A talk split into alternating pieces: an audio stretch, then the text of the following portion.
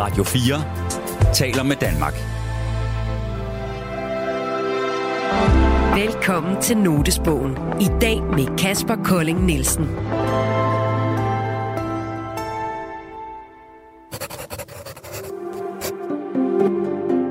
En notesbog, jeg synes, det kan være, det, altså, det kan jo dels være et sted, hvor man skriver noget, der er meget personligt for sig selv. Det, her, det har jeg gjort, det har jeg brugt mine dagbøger til. Notesbøger er personlige og intime, og det vi skriver i dem er ofte ufærdigt og umiddelbart. Forleden skrev for eksempel, at Eiffeltårnet ikke blev opført til verdensudstillingen i 1889, men i stedet en 330 meter høj rev i Kåre. Vi har inviteret tre mennesker ind, der har et særligt blik på verden. Mennesker, der betragter vores kultur og omsætter det til værker, tekster og dramatik. Det er journalist Torben Sangel, dramatiker Line Knudsen og forfatter Kasper Kolding Nielsen. Når jeg sidder og skriver, og så holder jeg nogle pauser på en eller anden måde, eller kommer i tanke om noget andet, eller skriver noget, som jeg ikke lige skal bruge. I dag er det Kasper Kolding Nielsen, der åbner sin notesbog. Jeg skriver et eller andet ned, som jeg gerne vil gemme til en senere lejlighed. Et, et eller andet, jeg har lyst til at skrive videre på, eller jeg har lyst til at overveje noget mere. Velkommen til Notesbogen på Radio 4.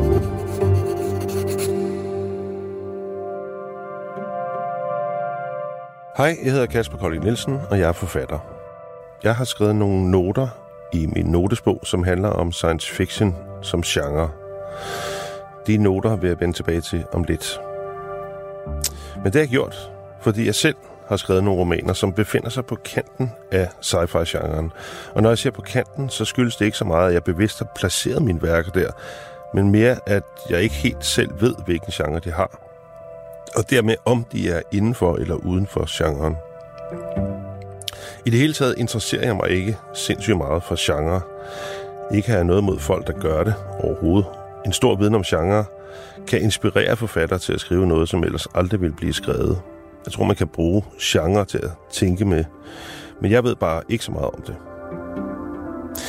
Jeg var engang til et foredrag om science fiction, og foredragsholderen sagde, at sci-fi-genren primært var defineret af interiør. Altså at man genkender genren ikke ved sproget eller formen, men ved de genstande, der optræder i historierne, og som tit er noget med rumraketter, rumvæsener, tidsmaskiner, UFO'er, den slags. Ting og sager, vi genkender, som markører for genren, og som dermed definerer den i en form for cirkelslutning. Der var dog også et andet og mere indre træk ifølge foredragsholderen, og det var, at temaerne eller problemerne i sci-fi-historier for det meste er meget store. Altså i fysisk forstand, ikke psykisk. Tit handler science fiction historier om noget med, at en planet skal reddes. Måske endda et helt solsystem, fordi en fremmed magt vil destruere alt. Sci-fi-fortællinger handler som regel ikke om et par, der tager i sommerhus uden børnene for at genfinde deres seksualitet. Sci-fi handler om store ting, om fremtiden, fremtidige teknologier. Da jeg debuterede for 13 år siden, var jeg lidt irriteret over, at min første bog blev kaldt en sci-fi-roman. Jeg så dengang genrebetegnelsen som noget, der betød underlydighed. At bogen ikke var god som litteratur. For genrebetegnelserne krimi, sci-fi eller romantik synes at blive ophævet, når værker får anerkendelse nok, hvorefter de slet og ret bliver til romaner. I dag ser jeg lidt anderledes på det. Måske fordi mange forfattere siden dengang er begyndt at skrive sci-fi, eller i hvert fald noget, der minder om det. Måske er det tiden, der kalder på det. Verden er i hvert fald blevet mere sci-fi-agtig. Klimakrisen har ophøjet den politiske krise til et form for dommedagsscenarie af planetariske dimensioner, hvor et sidste modtræk måske vil blive at bosætte sig på Mars. Ny teknologi introduceres konstant og forandrer vores virkelighed så hurtigt og radikalt, at vi først forstår konsekvenserne, efter de har gjort deres indvirkning. Vi kan ikke forstå hverken klimakrisen eller de nye teknologier, uden at lave fremskrivninger og gætte på, hvordan tingene vil udvikle sig. Vi snakker helt alvorligt om UFO'er. Ikke i små, skøre medier, men i The Guardian og New York Times og Weekendavisen. Og det leder så til den note, jeg har skrevet. Der står her. Er verden blevet sci-fi, og er genren dermed død? Til at diskutere det inviterede jeg forfatter og dramatiker Jokum Rode. Jokum har skrevet et væld af teaterstykker, og flere af dem er udgivet i bogform. Derudover har han skrevet en række romaner og novellesamlinger. Han debuterede helt tilbage i 1993 med romanen Jonas' bog, senere romanen Falcon Mysteriet, novellesamlingen Løvenlandet, København Conamur, som han skrev sammen med digteren Søren Ulrik Thomsen. Så skrev han romanen Triangen, og senest altså den roman, vi skal snakke om i dag, Vinter UFO, som indtil videre er blevet anmeldt rigtig godt i Weekendavisen. Vinter UFO er en helt vild bog. Måske en af de vildeste bøger, jeg har læst. Sproget er sublimt, plottet er vanvittigt, og det hele foregår i et mareridsagtigt København, i en ukendt eller sammenfiltret tidsalder, hvor intet er, som det plejer. I denne parallelverden er intimbiograferne i Istegade stadig fyldt med liderlige mænd, men de onanerer ikke til porno, men til Exodus-videoer af mennesker, der border gigantiske UFO'er og forsvinder ud i verdensrummet. I vores samtale talte vi både om Jokums seneste roman Vinter UFO, men også om hans tanker bag ved bogen. Vi talte om, hvordan man kan definere science fiction i dag, og om det stadig overhovedet er en niche-genre. Men vi kommer også til at tale om kunst og kunstnerens rolle, og om hvordan fremtidens science fiction mund vil blive. Du kan høre vores samtale her.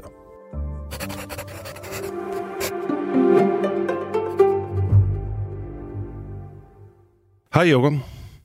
Tak fordi du, tak fordi du ville komme og Hej, tale Kasper. med mig. Uh, inden vi begynder at snakke om bogen, som jeg synes, vi skal snakke om, så vil jeg gerne lige stille dig et spørgsmål. Uh, er du enig i min definition af sci-fi? Skal jeg oprise uh, definitionen igen? Altså, det handler om interiør og store fysiske problemstillinger.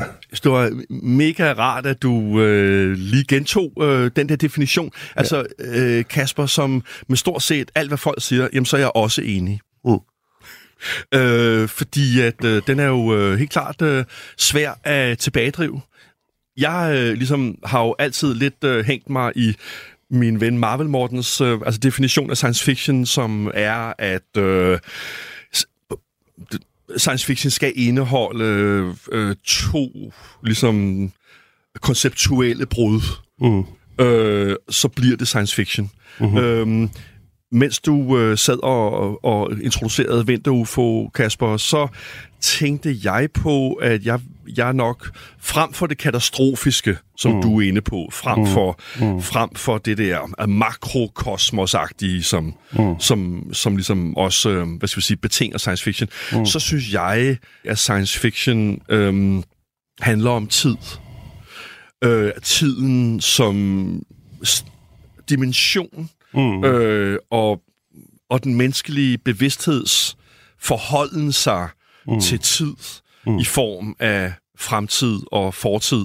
Det er nok det science fiction spor, mm. jeg har forfulgt i Vinter UFO, som mm. i mm. en eller anden forstand, synes jeg, er en roman, der handler om tid. Ja, det kan man godt sige, men det er faktisk svært at forklare, hvordan den gør det, uden at røbe for meget. Så det kan være, at vi ikke skal røbe det faktisk. Men jeg vil gerne lige fortælle lidt om bogen. Ja. Øhm, og handlingen i bogen. I hvert fald til at begynde med, fordi at, men der er, noget, man, der er ting, man ikke kan sige her. Og så vil jeg gerne, jeg gerne læse lidt op, hvis jeg må. Også Det må du gerne, Kasper. Det er skønt. Fordi jeg synes, en stor del af attraktionen ved bogen er, at den er så sindssygt godt skrevet, og den er helt vildt morsom. Tak for Altså, det, jeg Kasper. synes, jeg har altså, totalt skraldgrinet, da jeg Ja. læste den. Det gør jeg virkelig sjældent. Øhm, og jeg er gået og læst op for folk på mit kontor og generede dem hele dagen i går med oplæsninger. Nå, men hovedpersonen i Vinterufo hedder Alfred Veksel, og han er dømt for artsforræderi, og har derfor fået slettet de seneste 18 år af sin hukommelse. Han ved ikke, hvem han er, eller hvor han er. Han samarbejder på en eller anden måde med efterretningstjenesten og skal og deltager i opklaringen af et mystisk mord på en sci- sci-fi-forfatter. Chefen for efterretningstjenesten hedder Vedersø Raffen, og han tror hverken på UFO'er eller rumvæsener, selvom de er alle vegne i romanen. Men øh, han, han er i virkeligheden, han har en ret vild teori om, at, altså på en måde en vild teori om, at de ikke findes. øhm, Men han har en teori, som han præsenterer for Alfred, og det er, at fra 46 frem til 91, så var der historisk mange mennesker, der så UFO'er. Men så pludselig i 91 holder det op. Hvorfor? Vedersø Raffen mener, at det skyldes Sovjetunionens sammenbrud, at frygten for atomkrig skabte en form for irrationel angst, som fik folk til at se UFO'er. Men nu er folk igen begyndt at se UFO'er, og spørgsmålet er, hvad er det i tiden, der skaber denne nye angst? Og jeg kan huske, da jeg læste det, det er, det er i starten af bogen, det er ret tidligt i bogen, der tænker jeg, det er verdens bedste hook i en roman. Du ved, en, en roman skal have en hook. Og et verdens bedste eksempel på en hook, det er fra Rosens navn, hvor Umberto Eco forestiller sig, hvad hvis Thomas Aquinas havde oversat komedien af Aristoteles, øh, da han øh, skrev, øh, oversatte hans tekster, som blev til de sådan autoritative tekster for hele den katolske kirke, havde den katolske tro så været mere humoristisk. Og det er en sindssygt god hook, som så kan gør, at et, øh, et, en middelalderdrama på en, et kloster får øh, en relevans. Altså, og det er bare en god hook. Og jeg tænkte, det her det er en genial hook, fordi at det betyder, at nu kan du gå ind i alle mulige konspirationsteoretiske miljøer og tanker, og der vil hele tiden være denne her videnskabelige øh, ved, endepunkt, eller det vil hele, det vil hele tiden i, i jagt efter en socialpsykologisk øh, videnskabelig forklaring på det. Og, det jeg har, og jeg har selv virkelig tænkt over det der, så jeg synes også, det er en, det er en virkelig relevant hook. Altså, og det er en interessant hook, fordi den også åbner op for de der universer. Ikke? Men det viser sig så, øh, at det kun er en forløbig hook i bogen, fordi at bogen den begynder at overskride øh, den her hook, og, bliver, og det hele bliver meget mere underligt og meget mere syret, end man kunne forvente. Og historien udvikler sig og muterer sig hele tiden, ligesom faktisk også karaktererne, og København selv gør, som er, det er København spiller en stor rolle i, i den her bog. Romanen er som sagt helt sublim godt skrevet, og øh, jeg vil komme med et eksempel. Øh, det er en øh, science fiction forfatter, der hedder Gert Vrå, som tjener nogle håndører ved at deltage i nogle forsøg på et forlag øh, bag ved triangen. Og det vil jeg læse op nu. Gert Vrå sad afklædt på en mindre hævet scene, mens slanger og rør blev sat ind i hans krop. En smuk, midalderne kvinde i hvid kittel lod sine fingre løbe langs med ledningen. Der gik fra Vrås venstre øre til et stort, massivt apparat på et af bordene, som hun kaldte Delaware-apparatet. Apparat nummer 100. Et sygdomsdiagnostiseringsapparat med 12 dialer, to objektskåle, drejelig stangmagnet og detektorplade. Til den følger ratebog og detaljekort til at indskrive aflæsningerne. Nu demonstrerede hun, hvorledes Bros rektale rør løb ind i apparat nummer 200, som også var et diagnostiseringsapparat.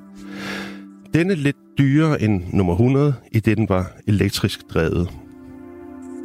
Indbygget detektoraggregat, indstillet elektrisk oscillator med frekvens 9 Hz til 1,1 Hz, 12 dialer, to objektskåle, drejeligt stangmagnet og indvendigt batteri, og altså særligt brugbar til jævnlige sekretanalyser. Publikum nikkede til disse talfigurer og skød underlæben frem til deres partnerbrag.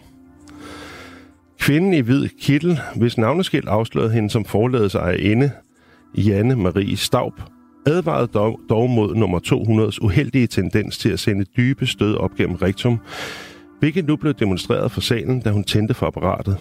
Gert Vrå vrælede og skreg om bag bidestangen, der var spændt ind i hans mund. Ups! Salen lå med, som kendte de alt for godt muligheden og konsekvensen af fejltagelser.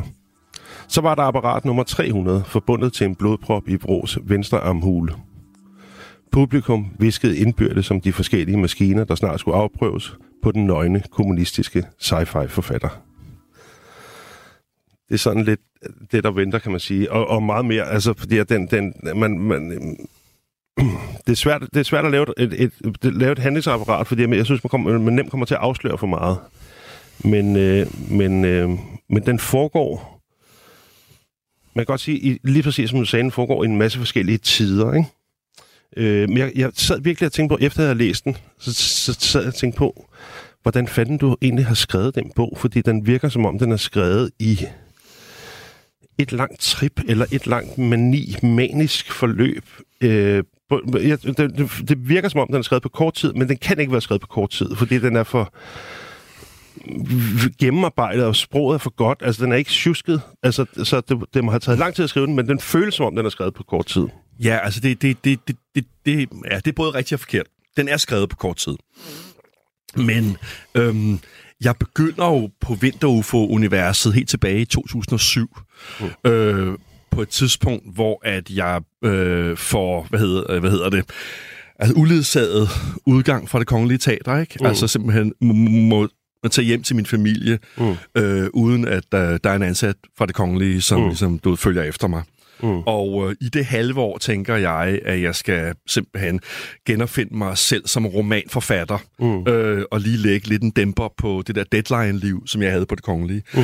Og så går jeg en tur med Søren Ulrik Thomsen ned ad Nordre Frevensgade, og lang historie kort, så går vi ind i en maskandis, og jeg finder sådan nogle gamle UFO-nyt fra 61, mm. og begynder at læse om de der mærkelige mennesker fra Kastrup og Dragør, som... Mm øh, havde en parallel tilværelse på sådan nogle underlige filosofplaneter i andre galakser, alt mm. imens de passede sådan nogle klart kedsommelige jobs her i mm. vores København. Og jeg blev fascineret af mm. de der dobbelttilværelser af det mm. kosmiske og, og det helt normale. Ikke?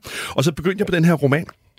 Og så øh, to måneder inde og 70 sider inde i det, så blev jeg jo spurgt, om jeg ville være husdramatiker på det kongelige. Mm. Øh, og så øh, kom der en og hentede mig igen. Mm. Og så var jeg 10 år øh, til på det kongelige, hvor den her roman så simpelthen ligesom lå på is. Ja, ja, okay. Og det er, jo, det er jo vigtigt lige at, du ved, det, det må vilje, jeg siger på is, for den skulle holdes i live, mm. men den måtte ikke leve, forstår du, hvad jeg mener? Den skulle mm. ligesom på en eller anden måde fastholdes, men den måtte ikke udleves. Det er sådan en underlig lang periode, i hvilken man skal holde noget ja, i live. Ikke? Mm. Så da jeg så øhm, var færdig som husdramatiker i 17-18, øh, så begyndte jeg at skrive den. Mm. Og der kan man sige, der havde jeg på en eller anden måde levet med den i mange, mange år. Og øh, derfor så skrev jeg den meget, meget hurtigt. Altså øh, ikke på nok meget mere end øh, 3-4 måneder eller sådan noget, tror jeg. Mm. Okay. Øh, så den er skrevet meget hurtigt. Mm. Øh, så er jeg glad for, at du synes, at den har et... Øh, godt sprog, og jeg vil også sige, efter den her, sådan netop som du siger, maniske skriveperiode, hvor jeg skrev længere og længere, mm. øh, længere og længere dag for dag, ikke? Mm. Øh, så har den altså også haft en, en, en meget lang, du ved, sådan, altså redigeringsperiode, ja, ja, hvor, det, det den med. har fået den her, øh, ja. den her stramhed, den har nu. Du lytter til Notesbogen på Radio 4. I dag er det forfatter Kasper Kolding Nielsen, der udforsker sine noter om science fiction sammen med forfatter Jokum Rode. Jeg kan godt stå inde for ligesom at afsløre, hvad jeg ser som ligesom romanens to mm. hooks. Meget gerne, meget gerne. Og det er jo, det ene hook er, er ligesom det, som jeg øhm, allerede fandt på i 2007. Mm. Det der med, at øh, menneskeheden har begået nogle rumkoloniseringer, mm. som vi siden af har glemt. Mm. Og, og den, den sidste rumkolonisering, der mm. fandt man simpelthen ud af, ud fra forsøg mm. af mennesker, øh, simpelthen trives bedre i fortiden mm. end i fremtiden. Mm. Sådan så man opførte de her rumkolonier mm. som kopier af gamle europæiske byer. Mm. I stedet for altså de der fantastiske Kubrick, mm. du ved, sci-fi baser, vi er vant til, der er sådan mm. helt sådan boble-goble-agtige, så begyndte man altså at bygge gamle europæiske byer ude i rummet, hvor dem, der bor der, simpelthen har fortrængt de kolonier mm. og hævder på en eller anden måde at leve i det rigtige København, men de har en eller anden automatisk væring mellem at tage ud om bag Glostrup, fordi det er ligesom... Men det har vi jo også selv, Kasper. Altså, jo, jo, så klar. det synes jeg er en meget god karakteristik af, hvordan vi i det, det hele taget... Det var, og, og så bare lige helt kort, den anden øh, det andet hook, som jeg også synes er sådan, for mig at se, øh, et rigtigt science fiction hook, mm. det er det der med, at den foregår i en tid, hvor du ikke afsoner tid fremadrettet Nej, men som straffet, men du får den slettet. Mm. Og jeg vil ved på, at den er i en eller anden Philip K. Dick-novelle, ja. øh, fordi den er meget hvad hedder det, digiansk. Mm. Men, men da jeg fandt... Ja, anyway, jeg, jeg, det er også et af de sådan helt grundlæggende hooks i romanen, ikke? Ja. Hvis, når man har læst romanen færdig, så er der en lang litteraturliste faktisk, ja. som er alle mulige, dels tidsskrifter, og, men også øh, sci-fi bøger, Øhm, og øh, det er tydeligt, du ved vildt meget om genren. I øvrigt så øhm, er jeg sikker på, at... Øh, fordi det er en bog, det er en bog, der også handler om København. Jeg er sikker på, at der er enormt mange referencer. Her, øh, Alfred Veksel, øh, da han overværer denne her torturscene af den lille, nøgne, øh, kommunistiske sci-fi-forfatter Gert Vrå, der, øh, der er han i, iført klovnekostyme, han har købt eller lejet i Amorin Ja. ja. på Vesterbro Torv, som jeg er helt sikker på har ligget der. Altså, når man kender ja. dig, og din, ja. din kærlighed til København og hi- historie. Og lidt senere, der leger han så et andet kostume, som er kostymen hedder Tragisk Ung Forfatter. og så er tøjet, det er sådan nogle velurbukser, ternet skjorte, og en pakke Marlboro og en beige jakke. Ja. Og, øh, og jeg kan bare huske, at da jeg læste det, tænkte jeg, det, kan jeg, det kunne jeg godt gå i, det der. altså, nu er jeg ikke ung, men... Ja, nej, altså det, det er jo... Øh, altså, der er jo... Du, romanen har jo helt klart... Øh, du, altså Burroughs og beat-litteraturen som forbillede. Altså tanken om, at man som forfatter skal skrive sig ud om bag sig selv, så hurtigt man overhovedet kan komme. Mm. og det var selvfølgelig noget, de gjorde. Prøv, prøv lige at forklare det igen. Prøv lige at forklare mig det. Øh, og jamen altså, i Vinter UFO er der mm. jo den her science fiction trio, mm. der hedder De Ubestikkelige, mm. som er Gert Vrå og Rebecca Sola mm. og øh, Anders Sauvage. Mm. Og de laver jo alle mulige øh, uhyggelige, bevidsthedsødelæggende, udvidende ting igennem narkotika, igennem mm. sex, igennem amfetamin, og skriver og skriver og skriver jo i det der, der hedder fire 24 timers maraton automatskriftsøvelser, mm. hvor maskinerne knitrer af asker og vision. Det er sådan lidt Kerouac-agtig øh, mm. hyldest sætning. Ikke? Mm. Så, så, så, øh, så og der er også de der spøgelsesforfattere, øh, mm. som arbejder i Carlton Bio, ikke? Som hedder Carlton-mændene, mm. som bestemt heller ikke på den måde arbejder med et sådan indre personligt forfatterskab, mm. men som jo ligesom producerer øh, fem du ved, sådan sonetdigtsamlinger om dagen, som om, at det var samlet båndslitteratur. Ikke? Mm. Den vender, du, du, øh, men det er måske den satiriske dimension i romanen. Mm. Bare, for, bare for at sige til Kerouac, det er jo det er jo det der meget kendte fotografi af Jack Kerouac på et tag i New York, hvor han har det der tøj på. Mm. Øh, okay, okay. Du ved, som, okay. Hvor han er en ung tragisk forfatter, og okay. en. Marlboro. Og så har han jo den der uh, The Brakesman's Manual ja. i uh, sin venstre lomme, som jo er fordi, han på det tidspunkt arbejder inden for ranger øh, i New York. Ikke? Nå, okay, så han har sådan et blad Ja. med to tider. Ja, det er det. Og eller den er to også, stammer, eller hvad det var. Ja, og den er også med her, ikke? Togstambremserens håndbog, ja, okay. men som Veksel dog fravælger til fordel for Søfyrbødernes forbunds ja, ja. manual, ja, ja. fordi han vil give sin forfattertype et mere atlantisk præg. Okay. Men altså, de, Men det har man jo ikke en chance for at vide. nej, og Altså, det, men, men det giver jo mening alligevel, for det, det er jo, det, er jo, det, altså, det, er- som jeg forstod det, der, så, så handlede det om, at, at man som forfatter er udklædt. At, at du for, som forfatter er du udklædt, ligesom en klovn. Senere leger han et politikostyme, hvor han har øh, sådan stop-start øh, øh, skilt, sådan grøn og og rød, og, og, og banker en pusher, mens han har kostyme på. Det virker meget plausibelt, fordi det er som om, at det er kostymet og Nå, hele ja, rollen, ja. der gør, at, nu, Ja. at han rydder hans øh, tænder i munden med, øh, Ja. Med den der Ja. øh, politistang, hvad hedder sådan en? Ja, ja, øh, øh, stav. Politistav, Men det er ikke? rigtigt. Han slår ham ihjel. Han, han, dræber en, en mand. Simpelthen ikke. Han dræber en pusher. Ja, og det gør han jo. Øh, Det, Ja. det er, Han er det meget voldelig, øh, hovedpersonen. meget voldelig. Og man det, forstår ikke, hvorfor han er voldelig før og før ret sent hen i romanen. Der, Nej, ja. Man får så en forklaring på, hvorfor Ja. han er det. Men det er ret sjovt, fordi han er, han er voldelig uden anger. Pludselig og uden anger. Ja, og fortælleren er også udenanger. Det er, er der, det, er der, det er der ikke nogen tvivl om. Ja, men helt klart, det, det, det er... Ja, men det, det synes jeg var, var, var, var sjovt med de der forklædninger. Og jeg kan da godt se din pointe der, ikke? Mm. Øh, det ender jo... Øh, altså, det er igen lidt Søren Ulrik, som jo fortalte mig om det der Strobes forlag, mm. øh, som var det her forlag i 60'erne og 70'erne, øh, der udgav meget selvhelbredelseslitteratur. Okay.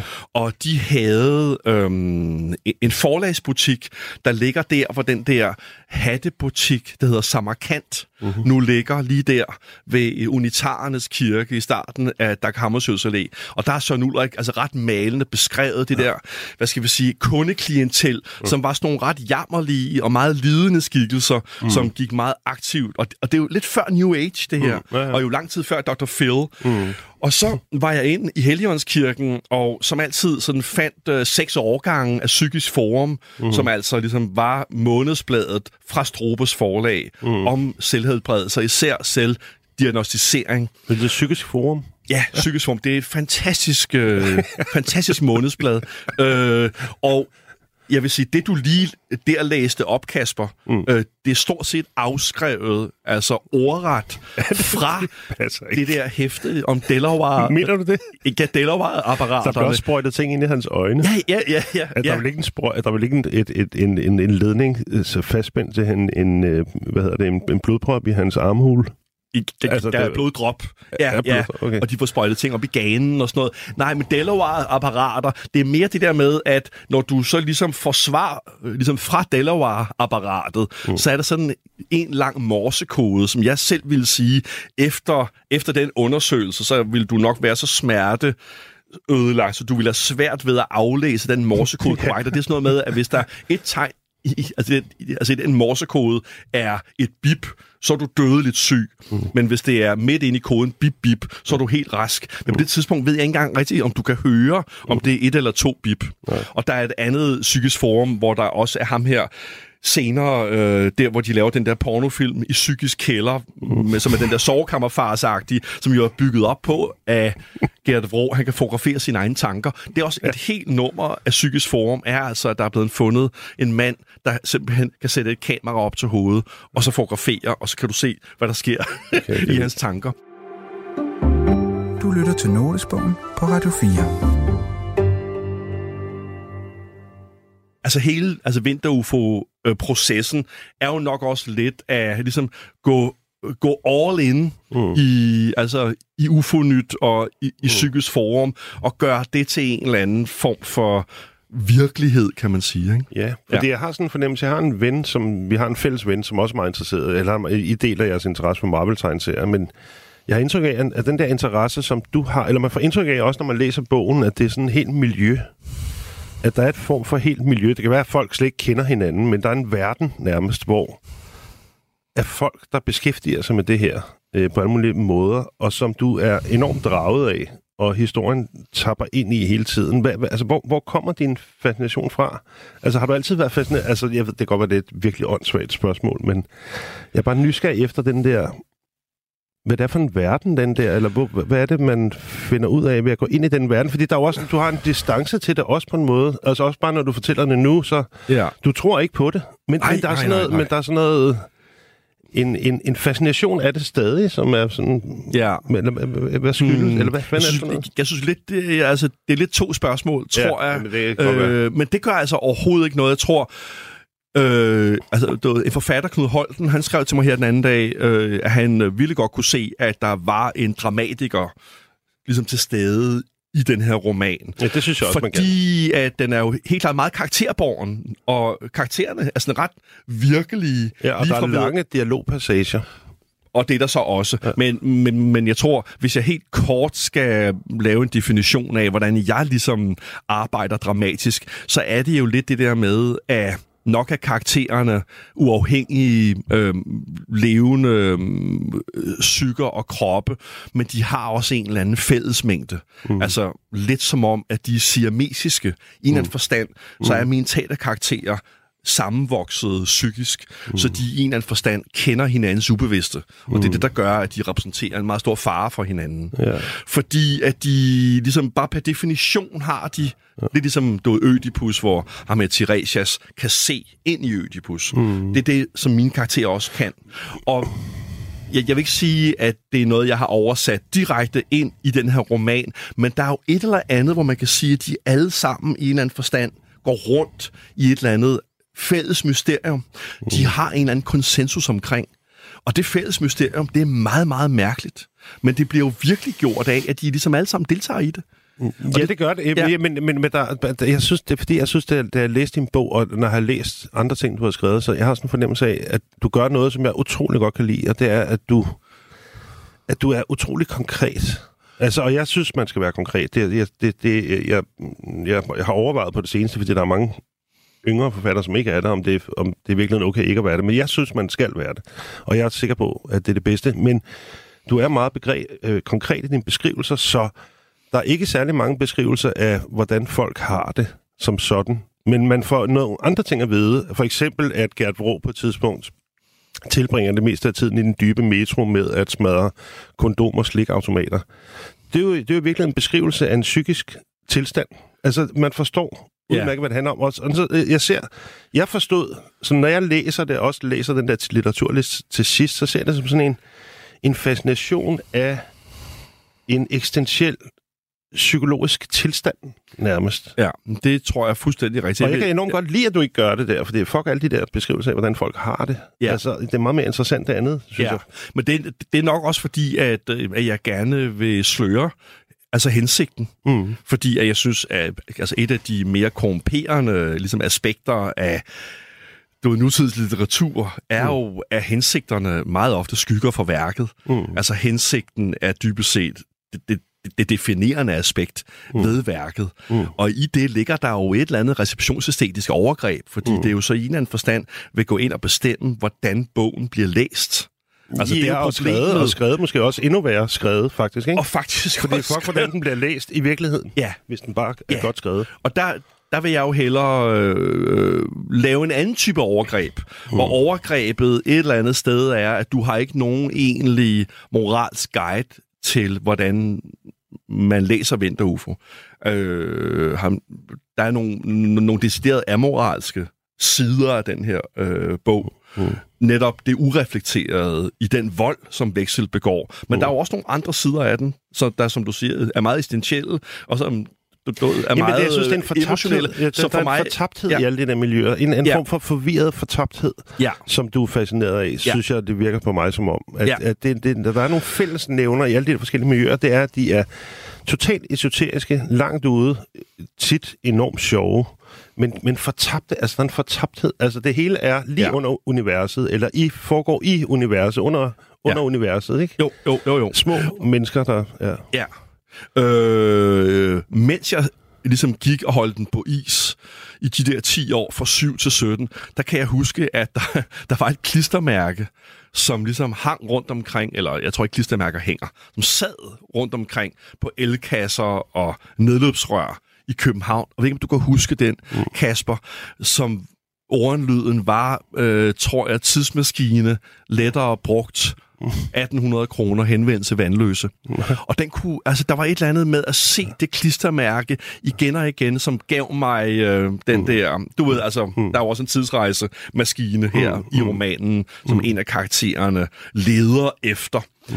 Og det, jeg synes var så smukt ved den der øh, det der klistermærke for en brugt tidsrejsemaskine, det var jo lidt den der ting med, at noget, der engang var, var et futuristisk science fiction koncept, mm. på en eller anden måde, nu var blevet et samtidsobjekt, som enkelte måske kunne have interesse i. Mm. Altså, man skulle nok mene, der ville være kø ud til vandløse. Altså, 1800 kroner, det er jo ja, virkelig ikke meget. Det er sjovt. Men det er sjovt fundet på. Og Selve prisfastsættelsen er interessant. Ja, øh, skønt klistermærke, og, og tusind tak til den, der mm. lavede det klistermærke. Og jeg tror, det som ligesom også karakteriserer vinter som du også var lidt inde på i starten, Kasper, apropos det der med bevidsthed og tid, mm. det er jo, øh, at de her science fiction koncepter med rumkolonier og tidsrejse, mm. øh, at de på en eller anden måde ikke længere de er ikke længere futuristiske.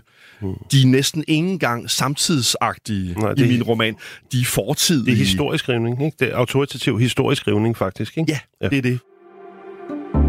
Du lytter til Notesbogen på Radio 4. I dag er det forfatter Kasper Kolding Nielsen, der udforsker sine noter om science fiction sammen med forfatter Jokum Rode. Men det fører mig også hen til en note, jeg havde skrevet, som er, at science fiction skal være en niche-genre. Fordi at, at i, i din roman, der bytter science fiction øh, position med... Øh, det, bliver, det bliver til den autoritative historiefortælling, i stedet for en fremtidsspekulation. Øhm, og jeg har bare tænkt på, om science fiction ikke også er et industrialiseringsagtigt mareridt. Altså, mareridsforskning, eller bare fantasifuld forskning om, hvordan tingene kunne udvikle sig på en eller anden måde. Og spørgsmålet er så, betyder det, at det skal være dystopisk? Det er det ene spørgsmål. Det andet underspørgsmål er, skal det så være et, en niche-genre? Fordi det netop er et alternativ til en større autoritativ, fremadskridende industriel fortælling om bedre livsforhold, eller whatever. Ja. Øh, vi kan vel godt udvide det der med det dystopiske til også det, det utopiske, ikke? Fordi hvis du tager ja. for eksempel øh, Solstaden af, hvad hedder han, Tomasino di Campanella, den er ikke fra 1400-tallet. Altså hele tanken om, at du drager ud øh, i verden mm. og finder øh, et samfund, der er bedre eller værre, er jo på en eller anden måde helt klart, hvad jeg vil mene, udgangspunktet i noget, man til dels kunne kalde science fiction. Tænker du ikke også det? Jo, men er det ikke mest dystopisk? Er det, altså, altså 99 ud af 100 gange, er det, ikke, er, det ikke, er det ikke dystopiske fortællinger? Jo, okay, men jeg... Eller, eller, jeg, eller, jeg, jeg spørger dig, fordi du er når, ekspert. Men jeg, når, men jeg, jeg, jeg synes jo, altså grundlæggende set handler det jo om, at der findes nogle andre verdener, og der findes mm. nogle andre samfund. Mm. Og øh, det er jo har jo, har jo altid været mega interessant, mm. øh, om det findes, og om det er muligt. Så det er bare for at sige for mig, at det dystopiske og det utopiske hænger for så vidt det, sammen. Det er det samme, ja. øh, og så ved jeg ikke rigtig... Øh, altså, for at sige det som det er, så er jeg jo ikke science fiction ekspert, du ved. Altså Nå, andre nej, du har, af mine du, har venner. læst, du har læst meget.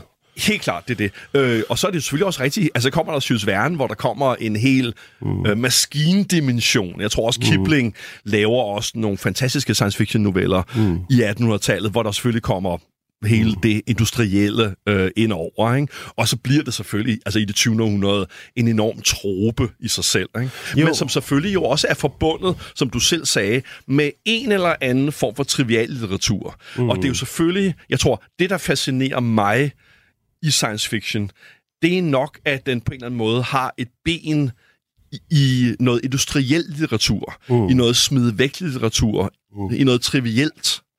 Samtidig med, at det jo på en eller anden måde inde, altså indebærer en høj politisk abstraktion og en høj, hvad skal vi sige, fantasimæssig abstraktion. Ikke? Fordi Vinter UFO jo også har en romantisering af den her langt ude science fiction trio, mm. som helt klart er nok en personlig fascination, jeg har af, du ved, sådan Byron og Shelley og poet Mordi og Baudelaire og Burroughs og Poe. Altså litteratur, øh, som båret af nogle visionære mål, men også nogle selvdestruktive mål, altså litteratur som befriende, som bevidsthedsudfriende dybest set. Ikke? Mm. Øh, så det er jo noget... Og så i kontrast til det har vi de der askegrå atlasmænd, som ligesom bare hamrer bøger ud mm. på samlebånds. Så selvfølgelig er det jo en tematik i Vinter-UFO, forskellige former for litteratur, bundet ind i den her, mm. ligesom, det var science fiction noir. Du lytter til Notesbogen på Radio 4. Det, det kommer på mig til at tænke på en, en ting, jeg har tænkt over her de seneste par dage. Fordi at du har et meget romantisk kunstsyn. Det romantiske kunstsyn er jo, at, at kunstneren er, øh, du ved, på en eller anden måde inspireret af Gud. Senere, efter det moderne gennembrud, der bliver kunstneren mere sådan psykisk syg. Måske en misbruger, øh, der via sit misbrug og sin psykiske lidelse har adgang til nogle dimensioner i det psykisk ubevidste, men stadig er rest nok til på en eller anden måde at frembringe det. Og så når læseren eller seeren bliver konfronteret med værket, så sker der sådan en øh, induktiv, eller sådan en induktion af, øh, du ved, før viden, eller ekstra sandhed, eller sådan noget. Sådan, men en form for genkendelighed, en form for sandhedsoplevelse. Ja. Det er ligesom konceptet i moderne kunst, og det er som om, at du abonnerer på det, hvor jeg, jeg meget mere tænker, at, det, at de der to figurer, der er ikke nogen, der tror på det længere. Og, og derfor så har, er kunsten død på en måde. Og vi, det er noget, vi har diskuteret engang. Men, men du har... Jeg synes alligevel, du fastholder en kunstromantik. Øh, jamen, det, jamen det, det vil jeg altså, mega gerne gøre, Kasper, mm. øh, hvis, du, hvis du siger det. Altså, Bowie sagde, før han døde, noget, som jeg bed mærke i, hvor han sagde, at den eneste tænkelige fornyelse af kunsten befinder sig i fortiden. Mm. Og den befinder sig ikke alene i fortiden, men den befinder sig udelukkende i formater, vi har glemt formater, som vi har fortrængt. Mm. Formater fra rendestenen, fra, du, fra kloakkerne, mm. øh, udtværede, ødelagte, smadrede formater. Mm. Og det kan jeg jo et eller andet sted godt genkende i den måde, Vindue får konstrueret på, ud fra UFO-nyt, mm. øh, ud fra spøgelsesforfattere, ud fra psykisk forum. Er der, der nok et eller andet, hvor at jeg stadigvæk mener, at man kan gå baglæns og finde nogle formater, der stadig er befriet. Jeg synes jo, at der er et grundlæggende problem, hvis at øhm, kunsten ligesom får sit eget ministerium, og her mener jeg jo ikke Kulturministeriet, øh, det var min morfar med til at grundlægge, og det sympatiserer jeg meget med. Mm. Men hvis kunsten ligesom ansættes af staten mm. til at være et eller andet form for rationelt korrektiv til nogle forskellige ministerielle beslutninger, så synes jeg på en eller anden måde, at kunsten den har udlevet sig selv. Ikke? Og helt kort, fordi at men jeg tror, at det grundlæggende problem nu til dags er, at kunsten ligger under for en illusion om, at ville forandring. Men det, som kunsten grundlæggende er, det er, at den er totalt bevarende. Den er mm. regressiv, og den er bevarende. Og så har den altså, jo... Altså som kritik, eller hvad? Altså, er den nuværende ja. kunstscene? Er det det, du siger? Jamen, jeg ved ikke, om det er en kritik. Jo, det er det bare, vel et eller andet sted nok. Men det er jo fordi, at jeg har da helt klart et eller andet soft spot for noget, der er foregået i 60'erne, eller for surrealismen, eller for symbolismen i 1890'erne, mm. hvor der er netop den der klare fornemmelse af fremdrift, men også autonomi, og hvor at helt klart dele af kunsten er forandrende. Men der er egentlig ikke noget i vejen med, at hvad skal vi sige, kunsten nu til øh, dags er meget bevarende og meget regressiv. Og til prøv, dels... prøv at sige, hvordan du mener, den er det. Jeg, jeg, jeg har jo skrevet et forord til dramatikeren Alexander Molke Johansens øh, mega interessante dramatikudgivelse, hvor jeg jo ligesom går lidt i, i altså, dialog med Alexandras øh, meget smukke, velskrevne og vrede politiske skuespil. Mm. Forstået på den måde, at øh, det, der jo nok er problemet, det er jo, at hun jo aldrig går ud i en antidemokratisk, øh, hvad skal vi sige, altså holdning, men at meget af, meget af den, meget af den kritik, litteraturen udøver mm. nu til dags, mm. den vælger jo at befinde sig inden for den demokratiske cirkel. Øh, så det, den har af, hvad skal vi sige, arsenal mm. imod øh, den blivende magt, det er jo nærmere øh, øh forslag, det er korrektiver, når det kommer mm. til klima, når det kommer til gender politics. Det er mm. forslag inden for den demokratiske cirkel, som jo ikke adskiller sig særlig meget fra, hvad jeg allerede formoder foregår i langt de fleste ministerier, vi har, hvor man også arbejder med den type demokratiske korrektiver mm. til den givende orden. Og det, som vi jo aldrig rigtig øh, ser øh, hvad skal vi sige, kunsten gøre, det er at identificere sig med reelt radikaliserede løsninger, eller deciderede, måske antidemokratiske løsninger, eller i det hele taget forsøg på at ramme helt uden for den der skydeskive, som jeg mener, vi igennem statsstøtten til kunsten, er den skydeskive jo blevet sat op for at kontrollere kritikken, sådan så at den ikke bliver potent der var en ting, jeg kom til at tænke på, da, da, du, da du snakkede før, og det var, at at der er en del af mig, der hader politisk litteratur, og det, jeg tror, det har noget at gøre med, hvornår jeg voksede op. Altså, da, da jeg var ung i 90'erne, der, der, der var ikke noget, jeg havde med. Jeg boede i kollektiv noget af min barndom, og omgivet af, af hippier, og, og, altså, der er ikke noget værre for mig end politisk litteratur. Øh, så, og jeg synes, der er meget af den litteratur, der er i dag, den unge litteratur, den er en politisk litteratur, og jeg kan mærke, at det, det, det, det føles så vitalt og vigtigt for dem, og jeg har, jeg har slet ikke en position, hvor jeg kan ligesom nærmest kritisere det, fordi det er ligesom uden for mig på en eller anden måde. Ja. Men jeg kan, jeg, kan, jeg kan mærke, at jeg, bliver, jeg kan godt blive irriteret over, at kunsten bliver taget som gissel i, som du siger, det, det er et form for æstetisk overgreb. Altså, at det definerende bliver nu ikke det æstetiske udtryk, eller den vildskab, eller fantasi, du udfolder, eller hvad fanden det nu kan være, de nye verdener, du skaber. Men det bliver et øh, politisk udsagn, og det gør mig rasende samtidig med, at jeg også føler mig ret overbevist om, at kunsten er, er død på en eller anden måde. Der findes ikke nogen, der på samme måde som øh, du ved, øh, Kandinsky var in, øh, in, investeret i at videreudvikle det fysiske maleri. Altså, øh, det, den mm. findes, det findes ikke i dag på samme måde. Altså, den ambition, så det er en politisk ambition, man har. Ja. Og det synes jeg jo på en eller anden måde måske også lidt spøger i Vinter-UFO, den desillusion, mm. du kommer med der, fordi det er også på en eller anden måde, øh, altså hele ideen om, at science fiction ligger bag os og ikke foran os. Mm. Den der øh, diskussion, der er i sit tredje del af romanen, som handler om, hvad er det så for en bro, der går til fremtiden, mm. vi har, ikke? Du lytter til Notesbogen på Radio 4. I dag er det forfatter Kasper Kolding Nielsen, der udforsker sine noter om science fiction sammen med forfatter Jokum Rode. Okay, så jeg vil vende tilbage til min oprindelige note, som er, øh, er verden blevet sci-fi og genren dermed død? Øhm, ja, verden er blevet en sci-fi, og genren har aldrig været mærkeligere.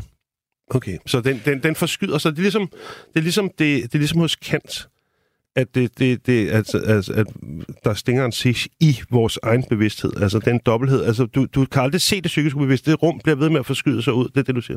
Alt er som kant, Kasper. Og sådan er det bare. Men alt er også som ufornyt, hvor jeg blev fascineret af den der dobbelttilværelse, de havde mellem de der meget ligesom normale Kastrup-tilværelser.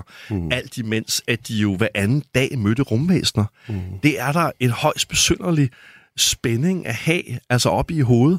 Ja, men det... Det, øh, ja. det synes jeg på en eller anden måde allegorisk beskriver meget godt, hvordan science fiction ligger i vores bevidsthed. Mm. Men det er, både, det er også meget, meget humanistisk måde at se. Det er en meget humanistisk tanke i virkeligheden. Ja. Men også en fortabthedstanke på en måde. Øhm, hvad, hvad, og, men du har næsten svaret på det. Hvordan tror du, hvis du skal gætte på, hvordan, hvordan kommer fremtidige science fiction bøger, sådan store science fiction titler i fremtiden, hvordan kommer de til at være? Lad mig, give dig, lad mig give dig et eksempel, fordi jeg har lagt mærke til, fordi jeg har beskæftiget mig en lille smule med sådan noget cli-fi. Som du lige måske helt kort kunne fortælle mig, hvad er. Som er det har jeg ikke hørt om før. Nå, men det er sådan noget klimafremskrivningslitteratur, øh, som der er rigtig meget af for tiden. Det, det tror jeg kommer til at dominere i, i nogle år. Hvad, hvad tror du? Ej, Kasper, det er et godt spørgsmål. Altså især nu, hvor vi jo også er på kanten af at måtte erkende, at der er liv ude, derude i rummet, og at mm. rumvæsener har gået i blandt os i de sidste mange år. Mm. I hvert fald, hvis man skal tro på de der seneste UFO-afsløringer fra amerikanske generaler. Øh, nej, som jeg sagde i starten, så, øh, så, så, så tror jeg også, at science fiction kommer til at øh, forholde sig øh, øh, mere og mere til, hvad tid er og hvad bevidsthed er. Mm. Håber du, at, at der sker sådan en sammenbrud, og ham fra Kastrup, der abonneret på UFO Nyt, og var i kontakt med rumvæsener, havde ret? Er, er, er der en del af dig, der ønsker, at, at det var sådan? Altså, for det første tror jeg ikke på UFO'er. Og for det andet, så er jeg af den opfattelse, at øh, når øh, ekstra terrestrial liv bliver afsløret, vil det være en midlertidig nyhed, og så vil det ugen efter ikke længere være en nyhed. Og jeg tror, at øh, det, jeg har ligesom det hænger sammen med Vinterufo. Vinterufo, den forsøger ligesom at triangulere, mm. hvor vores bevidsthed er. Mm. Og jeg tror ikke, at vores bevidsthed er der, hvor vi tror, den er. No. Jeg tror, at den er forskudt i tid på en måde, der gør, at vi egentlig ikke rigtig lever i vores egen nutid længere, mm. men lever et eller andet andet sted, som vi ikke er klar over. Mm. Det lyder selvfølgelig meget Matrix-agtigt. Vi skulle også have snakket mm. meget Matrix, men mm det der problem, mine karakterer har med mm. at tidsfeste sig selv i romanen, de er i dialog omkring, hvorfor et årtusinde de lever i. På samme måde tror jeg mm. også, at vores bevidsthed ikke helt er i vores egen tid, men er et eller andet andet sted. Mm. Øh, der er i hvert fald nogle af de grundlæggende menneskelige spørgsmål, mm. hvor svaret ikke rigtig længere vil påvirke os. Mm. Meget uhyggeligt. Er det en dehumanisering, der er sket? Er det en forskydning, der er sket? Er vi et eller andet andet sted, end vi er? Og det synes jeg i hvert fald godt, man kan bruge litteraturen og kunsten til at triangulere. Jeg synes, det er helt vildt uh, interessant. Og jeg, jeg, som jeg forstår det, når, når, du, når jeg hører dig sige det, så forstår jeg det som, at det jeg tænker på, det er, at det er i hvert fald rigtigt, når man taler om sprog, fordi at, at begreber består af underbegreber, som er historiske, samtidig med, at der foregår noget i en historisk nutid. Ja. Og det skaber bare en enorm splittelse, fordi vi har ikke ordforrådet, og dermed heller ikke tænknings, øh, for at tænke den virkelighed, vi faktisk deltager i.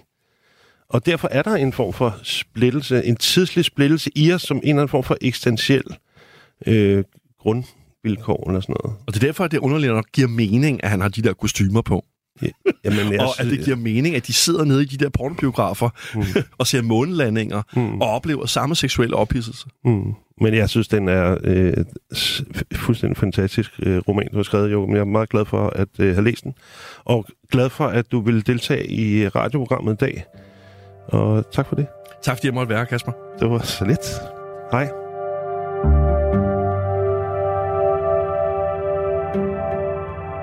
Det var meget spændende at snakke med øh, Jokum øh, om science fiction og virkelighed, og virkeligheden som tidsforskudt. Og, øh, og det er virkeligheden jo også i, i Jokums roman. Og, øh, og det har jeg efterfølgende tænkt over, at, at jeg faktisk, øh, eller jeg er meget enig i. Og, øh, og det er simpelthen fordi, at vi lever i en tid, hvor der er behov for fremskrivninger af forskellige ting. Altså, der er simpelthen, simpelthen ting, vi ikke kan forstå i vores nutid, medmindre vi laver en tidsfremskrivning. Og sådan, sådan så kan man sige, sådan har det altid været, men det tror jeg faktisk ikke, det har ikke altid været sådan. For, for bare 10 år siden, der virkede det meget relevant at lave historiske, skrive historiske romaner, for eksempel, for at vise, hvordan sproget er historisk, hvordan vi hænger fast i sproglige konventioner og kulturelle konventioner, hvordan det er svært at, at frigøre sig, men også for at vise virkelighedens dybde historisk. Øhm, I dag, lige nu, og de seneste år, synes der har været en enorm stor efterspørgsel på fremskrivninger, og jeg tror, det handler om, at vi ikke kan forstå klimaforandringerne uden for et tidsperspektiv. Altså, vi mærker sådan set ikke klimaforandringerne nu. Det er kun på grund af at tidsfremskrivninger, vi forstår, hvor alvorligt det er. Det samme med AI. AI er, jo, er ikke nogen trussel som sådan for vores samfund lige nu, men vi forventer, at det vil blive det på et eller andet tidspunkt. og sådan er det med meget, mange af de her nye teknologier, at vi er afhængige af fremskrivninger for simpelthen at forstå dem her og nu, for at forstå, hvad vi skal gøre. Hvad skal vi gøre med AI lige nu? Der bliver man nødt til at lave nogle fremtidsscenarier for simpelthen at fatte, hvad AI er. Samtidig så er der en anden tidsforskydning, det er, at alle de her teknologier, som kommer hele tiden, som introduceres i vores samfund, det går så historisk hurtigt i øjeblikket, og vi forstår ikke deres konsekvenser og implikationer, før vi lever i dem. Altså, vi lever i dem, før vi fatter, hvordan de indvirker på os. Og jeg synes, det bedste eksempel på det, det er sådan noget som de sociale medier, men egentlig også bare internettet som sådan, som altså slet ikke har udfoldet sit fulde potentiale endnu, men, men bare måske er det lettere og umiddelbart at, at se, se udviklingen igennem øh, perspektiv, øh, mellem de sociale medier som perspektiv, at de, at de simpelthen forandrer vores samfund grundlæggende. De forandrer os. Altså næsten alle mennesker i Danmark synes i dag noget helt andet, end det de synes for bare 3-4 år siden, og det skyldes de sociale medier. Og vi har oplevelsen af, at det er os selv, der synes det, at det er os selv, der gør det, og det er det jo også til dels. Men det skyldes også, at virkeligheden og hele vores måde at diskutere på, vores måde at opfatte os selv på i samfundet, er blevet totalt forandret af øh, de sociale medier. Øh, og vi først nu begynder vi at diskutere de sociale medier, vi begynder at forstå det bedre som fænomen, men det er først, hvor vi, efter vi har levet med det i en periode, relativt ureflekteret. Og det er en andens form for tidsforskydning. Øhm, så ja, altså jeg tror, hvis man skal sådan, hvis jeg skal sige noget sammenfattende, så er der så meget teknologi i dag. Der er så mange øh, dystopiske forestillinger om, hvordan tingene vil gå, at det vil aldrig have været mere tillokkende at skrive science fiction. Øhm, og jeg tror, der vil komme meget mere science fiction i kommende år. Fordi at vi simpelthen har brug for det, for at kunne tænke, for at kunne forstå øh, samfundet, for at kunne forstå os selv i samfundet. Og så kan man sige, at prisen for det, det er, den er relativt lille. Det er nok bare, at sci-fi som genre ikke længere vil være en niche-genre, men mere en bredere genre, som flere vil læse. Og det er vel egentlig en lille pris at betale. Så tak for i dag. Øhm, jeg hedder Kasper Kolding Nielsen. Jeg snakker med Jokum Rodet. Og øh, have en god dag. Du har lyttet til Notesbogen på Radio 4. Og i dag var det med forfatter Kasper Kolding Nielsen og hans gæst, forfatter Jokum Rode. I næste uge mødes Torben Sangel Line Knudsen og Kasper Kolding Nielsen for at dele og diskutere deres noter med hinanden. Programmet er produceret for Radio 4 af Munk Studios København. Producer er Anne Lundager Christensen. Musik er af Emil Johansen og Rune Born Svarts og Michelle Mølgaard Andersen er redaktør. Husk, at du kan finde alle afsnit af Notesbogen i din podcast-app. Tak fordi du lyttede med.